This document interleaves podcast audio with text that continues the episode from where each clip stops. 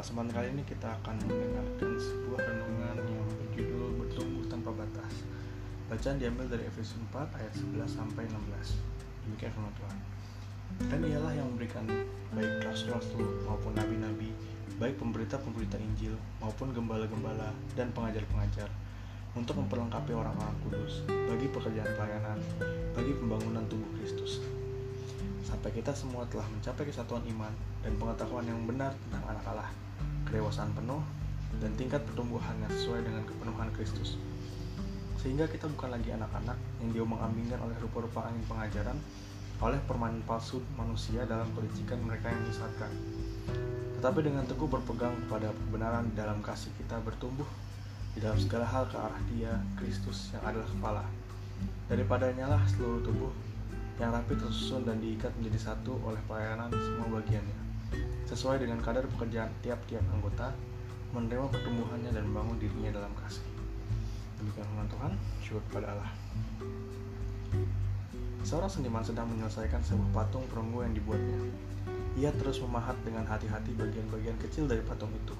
Sempurna, pikir seorang pengamat seni yang dari tadi memperhatikannya.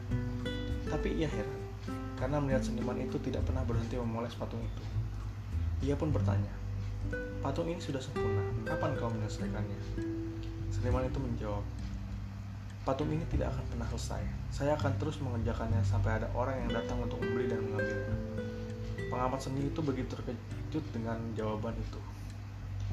Oleh anugerahnya kita yang berdosa telah dibenarkan oleh Kristus dan diselamatkannya.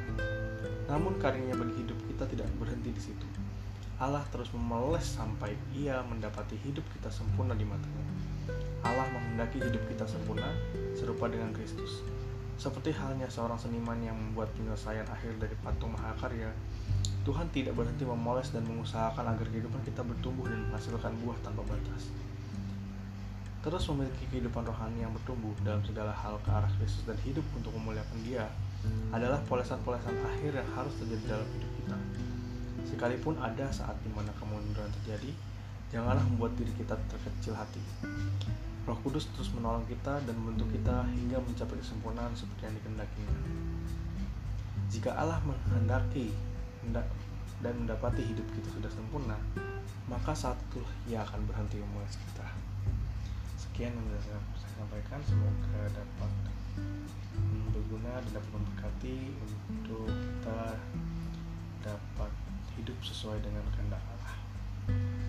Terima kasih. Immanuel.